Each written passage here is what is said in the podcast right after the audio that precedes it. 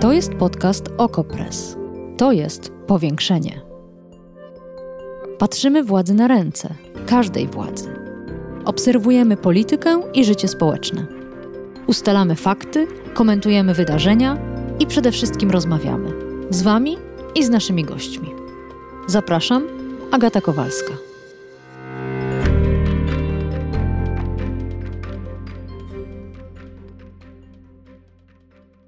20 lat temu Gazeta Wyborcza rozpoczęła słynną akcję Rodzić po ludzku. W jej ramach, poza świadectwami kobiet, które opisywały nieludzkie najczęściej traktowanie na polskich porodówkach, pojawiła się też lista szpitali i ich oceny. Oceniały oczywiście pacjentki. Ta akcja pokazywała, jak źle traktuje się w Polsce kobiety w ciąży, rodzące, w połogu i rozpoczęła rewolucję. Szpitale dowiedziały się, jak źle są oceniane przez pacjentki Dowiedział się o tym cały kraj, bo lista była publikowana rokrocznie. I niektóre z nich zaczęły wprowadzać pospieszne zmiany. Ale dzisiejszy odcinek powiększenia nie będzie dotyczył kobiet i oddziałów położniczych. Będzie o uczniach i uczennicach LGBTQ i o oddziałach, ale szkolnych. Po raz czwarty powstał ranking szkół przyjaznych osobom LGBTQ. I to, co mnie zastanawia, to czy ma on szansę tak zmienić rzeczywistość młodych ludzi w Polsce, jak tamta słynna akcja Rodzić po ludzku zmieniała rzeczywistość kobiet na porodówkach. Sprawdzimy to dzisiaj w powiększeniu, jednocześnie obchodząc wraz z całym światem Międzynarodowy Dzień Walki z homofobią, transfobią i bifobią. Walczymy także w powiększeniu. Zapraszam na ten odcinek.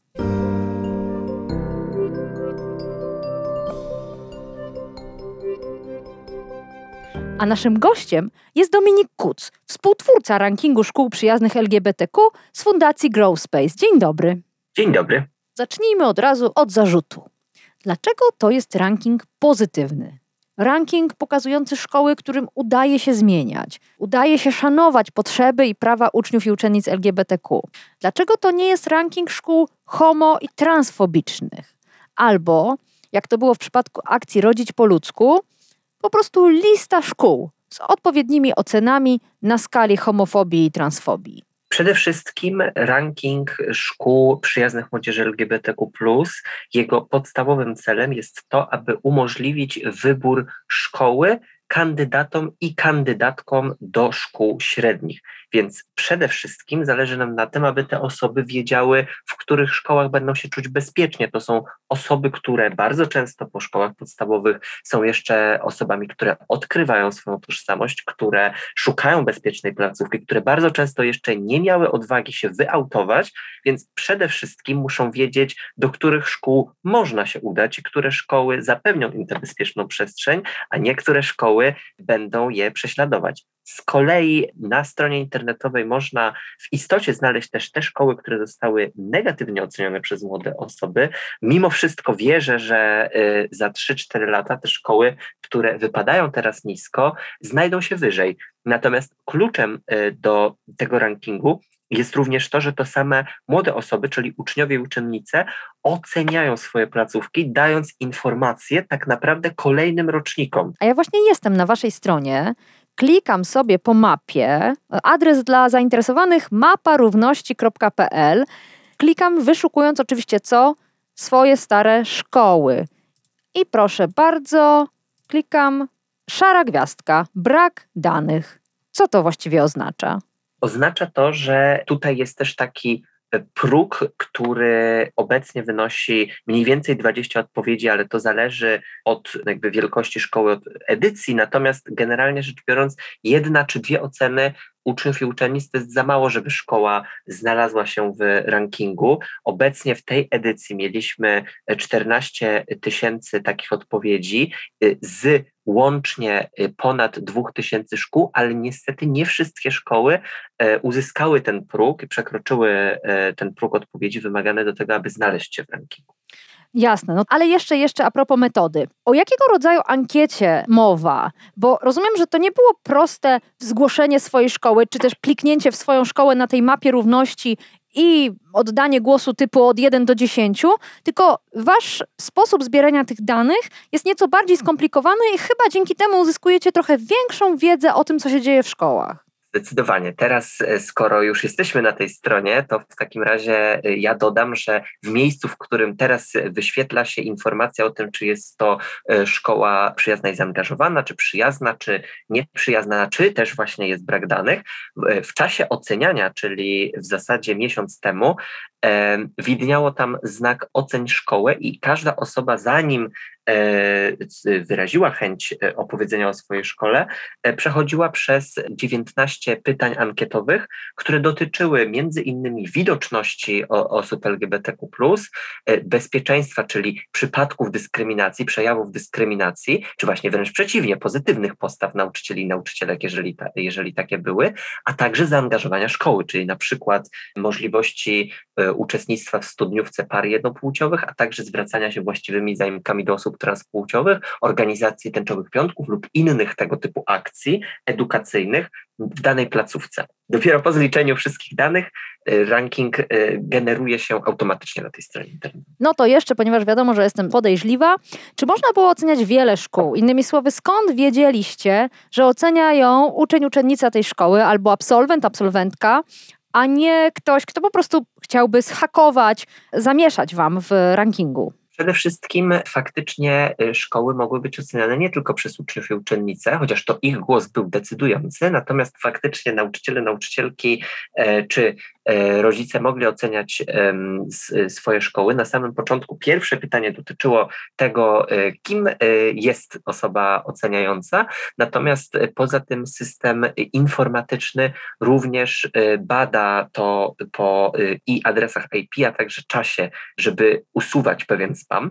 Zdarzały się takie, takie sytuacje, kiedy e, ten spam faktycznie się o, pojawiał. Proszę, o e, proszę. Natomiast ale... był skrzętnie usuwany. No to dobrze, to dobrze, bo jak jest e, spam, to znaczy, że już ranking gdzieś został zauważony. Przyjrzyjmy się jeszcze głębiej tej mapie. Ja muszę powiedzieć, że jestem już dość starą osobą LGBT, dlatego że jak ja wyobrażałam sobie, o co możecie pytać uczniów, to umiałam wymyślić tylko trzy pytania. Czy w Twojej szkole osoby LGBTQ są prześladowane?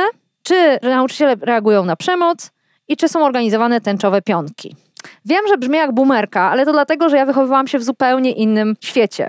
Rewolucja LGBTQ, jaka się dzieje w Polsce, jest naprawdę błyskawiczna i te szkoły się też zmieniają. Kiedyś nie było mowy o żadnych tęczowych piątkach, ani tym bardziej żadnych rankingach tego typu. Wy poszerzyliście te pytania. Co z nich wynika? Co to jest ta szkoła przyjazna LGBTQ? W jakiej ona sytuacji stawia uczniów i uczennice? Bo nie mówimy przecież tylko o tym, jak traktuje pojedynczego chłopaka geja czy trans dziewczynę, tylko rozumiem, że ona tworzy pewną przyjazną przestrzeń. Tak jak e, Pan mówił o osobie, która może jeszcze nawet nie wie do końca, jaka jest jej tożsamość, jaka jest jej orientacja, wchodzi do takiej szkoły. I co tam się musi dziać, żeby ta szkoła rzeczywiście była w porządku? Dokładnie. Przede wszystkim e, jest to szkoła, która zapewnia przestrzeń do rozwoju y, tożsamości młodego człowieka, do ekspresji tej tożsamości oraz do tego, aby ta osoba mogła czuć się bezpiecznie z tą ekspresją i z tą swoją tożsamością, niezależnie od tego, jaka ona jest. E, tutaj e, bardzo często myślimy, że to te szkoły, które e, zorganizowały, nie wiem, najlepszy tęczowy piątek w danym roku, tak, tak. wygrywają. Najwięcej tym, flag tęczowych i y, uśmiechniętych buziek na fotografii na Facebooku. Tak, natomiast tak to nie wygląda i ranking nie to, nie to sprawdza. To nie jest konkurs na najfajniejszą akcję na temat osób LGBTQ w danym roku, mhm. E, tylko e, ranking placówek, czyli zaangażowania takiego codziennego nauczycieli nauczycielek oraz dyrekcji i dlatego jestem też zadowolony z tego, że faktycznie te szkoły, które tego typu działania podejmują są mhm. wyróżniane i są na szczycie. Ale na czym to konkretnie polega? Na pierwszym miejscu w rankingu, proszę bardzo, dwujęzyczne liceum ogólnokształcące w Poznaniu. Co się tam dzieje w tej szkole? Jak oni działają? Co robią? Przede wszystkim, no właśnie, do osób transpłciowych zwracamy się właściwymi zaimkami. Na lekcjach poruszamy e, temat LGBTQ w sposób obiektywny i niedyskryminujący. E, w szkole e, odbywają się w niektórych szkołach, czyli tych wyróżnionych, warsztaty antydyskryminacyjne. W niektórych szkołach tych z pierwszej dziesiątki obecne są na przykład też bali boxy, czyli takie skrzynki, do których uczniowie uczennice mogą anonimowo wrzucić i wrzucić kartkę z no, faktem tego, że, zda, że jest jakaś sytuacja trudna, dyskryminacji czy mobbingu i nauczyciele i nauczycielki reagują. To jest też e, prowadzenie integracji na godzinach wychowawczych, bo czymże jest e, edukacja antydyskryminacyjna, jak nie integrowaniem e, młodych osób już od samego początku wejścia do takiej szkoły. Czy wreszcie są to osoby, do których młode osoby mogą zwrócić się z danym problemem. Jedna na trzy osoby w całym kraju stwierdza, że nie każdy może się czuć bezpiecznie w szkole. 30% młodych osób e, w ten sposób odpowiedziało, ale 83% mówi, że jest przynajmniej jedna osoba, do której mogą zwrócić się z problemem na terenie swojej szkoły co z tego wynika, że niestety e, ten system oparty jest na e, osobach, oparty jest na nauczycielach, nauczycielkach e, bądź innych pracownikach w szkole, którzy mogą pomóc uczniom i uczennicom, ale niestety w dalszym ciągu brakuje tych systemowych rozwiązań mhm. dla szkół. Pytam cały czas o to mm, dwujęzyczne liceum ogólnokształcące w Poznaniu, które zajęło pierwsze miejsce. Mamy też w tej pierwszej dziesiątce pięć szkół z Warszawy, jest jedna z Torunia, z Lublina i z Gdańska.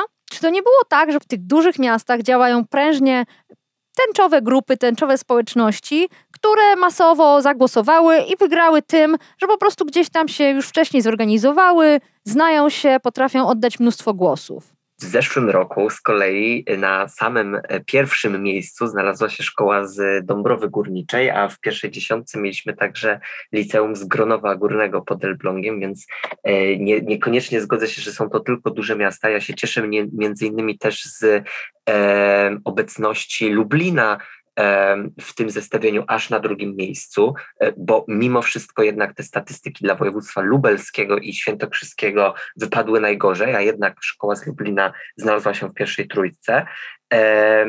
50% odpowiedzi pochodzi z miast innych niż 10 największych e, w Polsce, znaczy z miast i miejscowości innych mhm. niż te 10 mm -hmm, największych E, miast w Polsce, wobec czego widać zaangażowanie i z jednej i z drugiej strony. Oczywiście w większych miastach jest też więcej szkół, natomiast, e, natomiast w mniejszych miejscowościach e, uczniowie i uczennice również oceniają swoje placówki, nawet jeżeli tych szkół jest mniej. Hmm. No dobrze, to, to jeszcze zajrzyjmy do Bogu Chwały. To jest miejscowość na Podkarpaciu, tym słynnym Podkarpaciu, które głównie chwaliło się ostatnio strefami wolnymi od LGBT na poziomie wojewódzkim, na poziomie lokalnym, a tu mamy Liceum ogólnokształcące z oddziałami dwujęzycznymi w Boguchwale 15 miejsce w rankingu. Zwraca uwagę na to Wyborcza Rzeszowska, zwraca uwagę redaktor Suchecka w TVN24. Wszyscy jakoś tą Boguchwałą się zachwycają. Czy wiecie, jak ta szkoła funkcjonuje, co takiego robi, że tak dobrze wypadła? Bo to ciekawe, bo co robi warszawska szkoła, to ja sobie mogę jeszcze wyobrazić, ale taka podkarpacka? w zasadzie ja bym powiedział, że różnice pomiędzy tym, e, co, co te szkoły robią, e, są zdecydowanie dosyć niewielkie, no bo jakby e, te szkoły, które są w Boguchwale czy w, na całym Podkarpaciu, potrzebują więcej odwagi do tego, aby wychodzić z tematami równościowymi, aby E, otwarcie wspierać e, uczniów i uczennice. To jest szkoła, w której e, takie wsparcie się odbywa, w której zapewniona jest oczywiście pomoc w przypadku, kiedy potrzebna jest interwencja, w której nauczyciele i nauczycielki dbają o bezpieczeństwo uczniów i uczennic i do tej szkoły oczywiście z nagrodą również w przyszły czwartek się wybierzemy, aby, aby dyrekcję i grono pedagogiczne poznać to, co do tej pory y, wiemy z odpowiedzi, to to, że jest to w zasadzie jedyna szkoła z tego regionu, w której jakiekolwiek wątki równościowe są wplatane w akcje szkoły. Hmm. A jeszcze jedna ważna kwestia. Czy na początku tego rankingu występują tylko szkoły społeczne i prywatne, w których jest wysokie czesne, do których bardzo trudno się dostać, czy też są też szkoły państwowe prowadzone na przykład przez jednostki samorządu? W tym rankingu oczywiście y, znajduje się dużo y, szkół prywatnych i społecznych, dlatego że oceniamy oczywiście y, wszystkie szkoły, niezależnie od tego, czy są to szkoły publiczne, prywatne, społeczne, czy są technika, czy szkoły branżowe.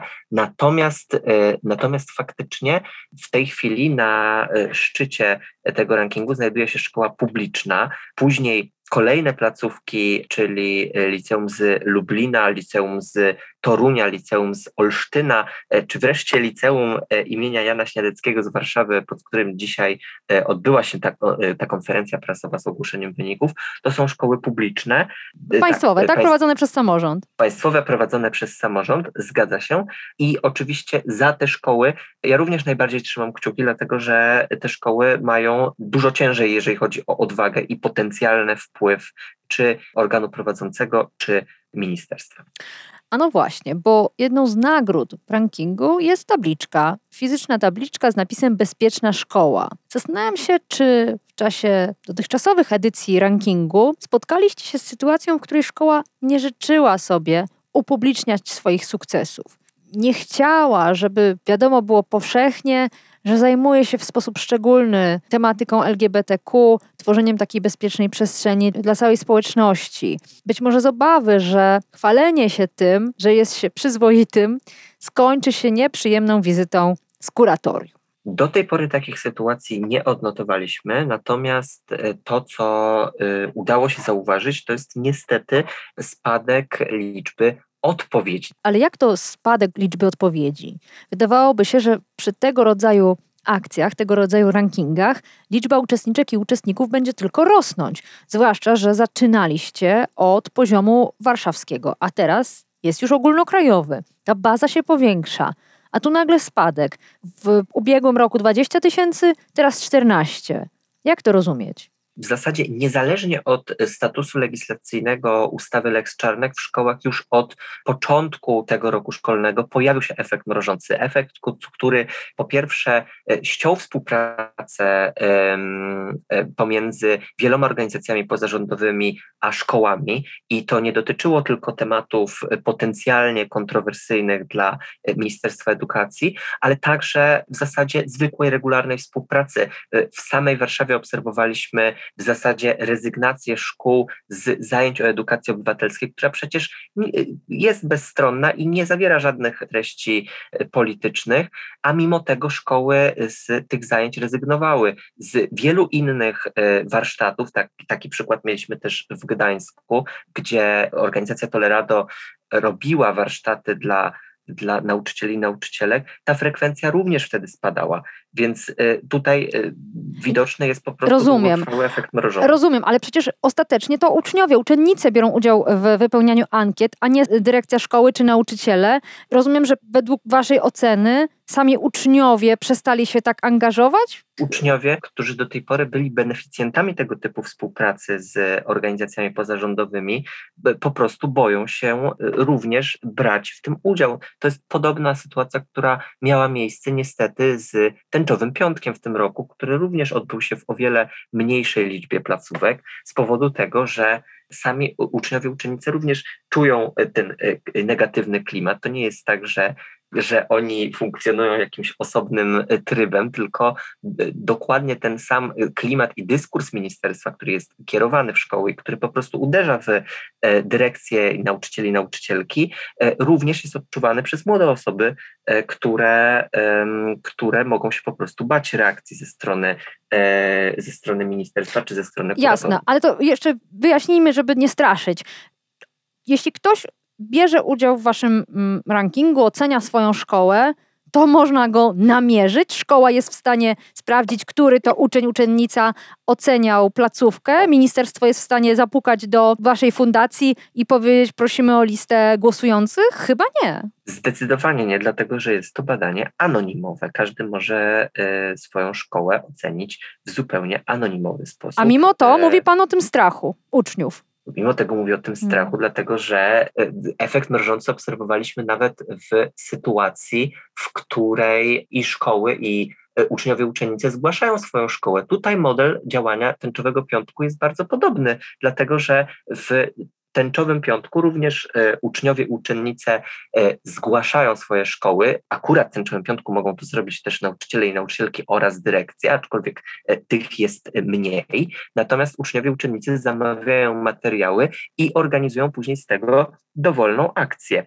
Wo wobec czego tych akcji w tym roku, w tym roku szkolnym, czyli w październiku zeszłego roku, było dużo mniej I widziałbym tutaj podobny schemat, mimo tego, nawet jeżeli w przypadku zamawiania materiałów z tęczowego piątku również jest to anonimowe i również nie wiadomo dokładnie, jaka osoba to zamówiła, po prostu przychodzą na adres wskazany w zgłoszeniu, czyli czy to szkoły, czy to konkretnej osoby, no ale jednak ten spadek jest widoczny.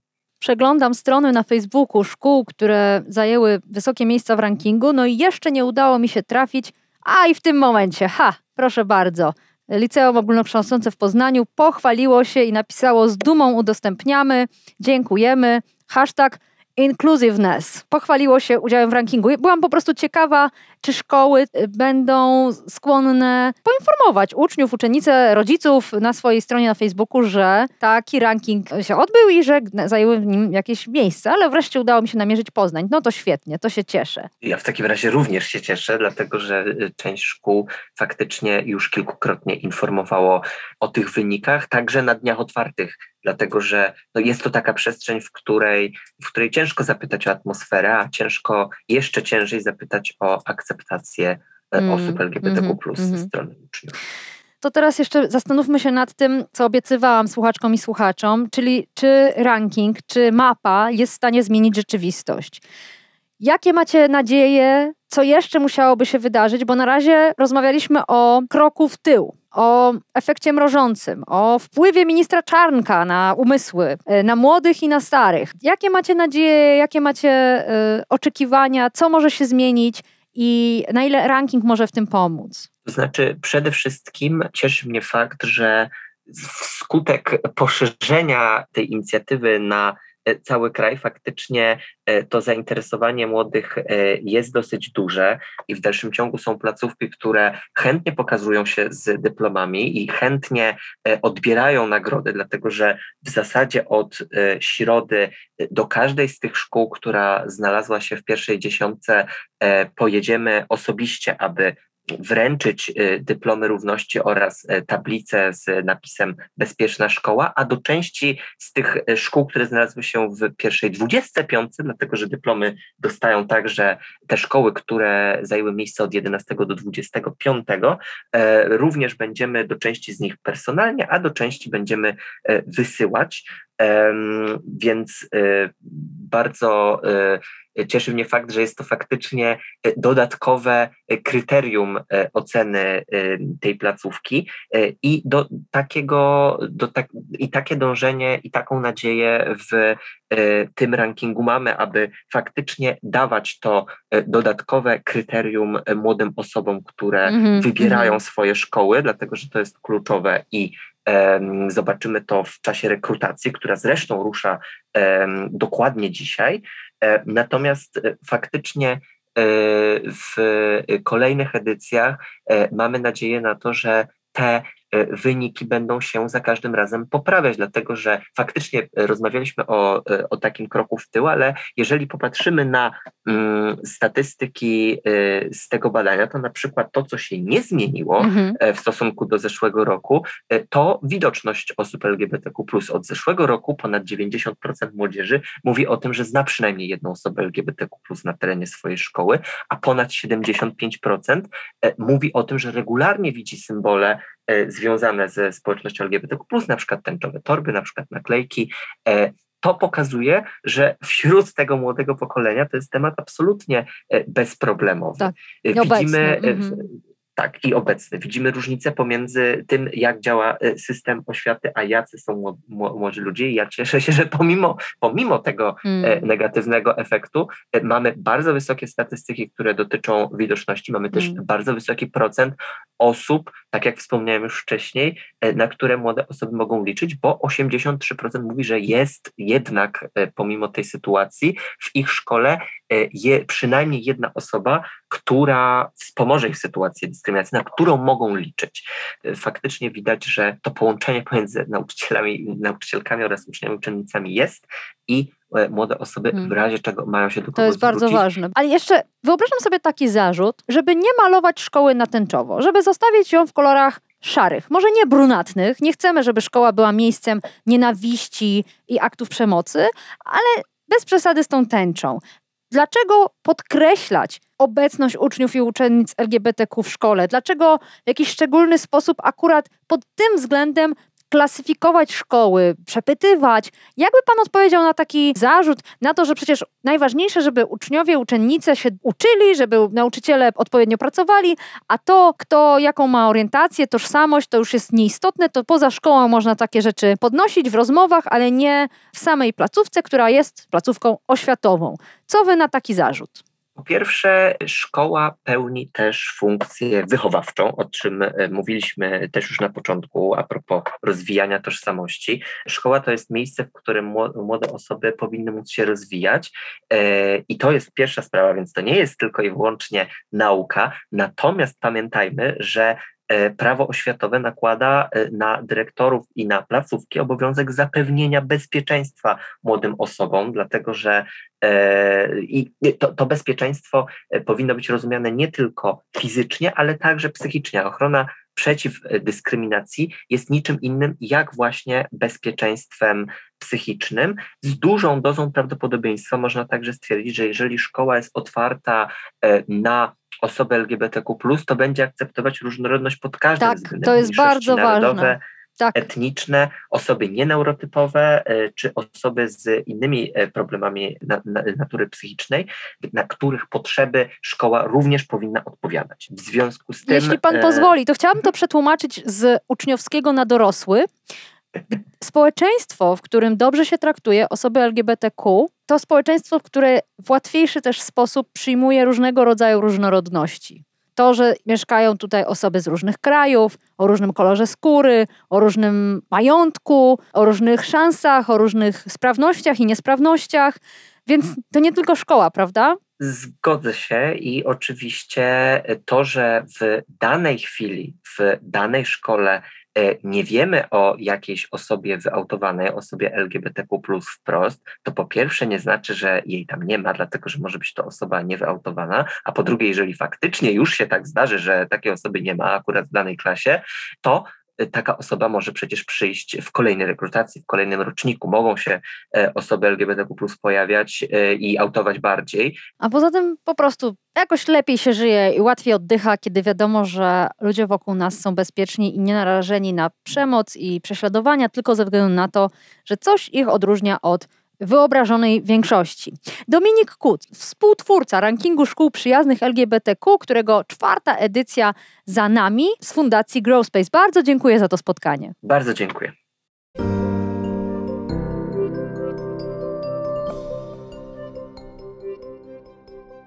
Dziękuję za wysłuchanie podcastu. To nie pierwszy raz, kiedy w powiększeniu zajmujemy się sprawami osób LGBTQ. Całą listę znajdziecie oczywiście w archiwum na stronie oko.press albo w waszej aplikacji do podcastów. A zresztą teraz mamy maj, za chwilę czerwiec, Pride Month, więc tematy LGBT-owe będą się w powiększeniu pojawiać. Między innymi szykuję dla Was odcinek o bardzo specyficznym pytaniu, jakie Okopres zadało w sondażu opinii publicznej. Nic teraz jeszcze nie zdradzę, ale nasłuchujcie, będzie interesująco. To mogę obiecać. Jeśli macie jakiś konkretny pomysł związany z prawami człowieka, który waszym zdaniem powinien pojawić się w podcaście, piszcie agata.kowalska małpaoko.press. W powiększeniu spełniam bowiem życzenia słuchaczek i słuchaczy. Zamówienia na przeróżne odcinki. A właśnie, w najbliższym odcinku moim gościem będzie Witold Głowacki, dziennikarz Okopres i wasz ulubieniec. Wiem to, ponieważ około połowy maili, które do mnie trafiają, jest tak naprawdę skierowanych do Witolda Głowackiego, a pytania dotyczą oczywiście sytuacji na froncie.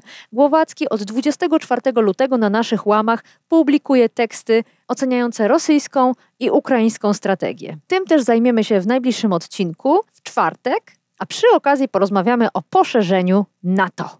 Zatem do usłyszenia w kolejnym odcinku. Powiększenie.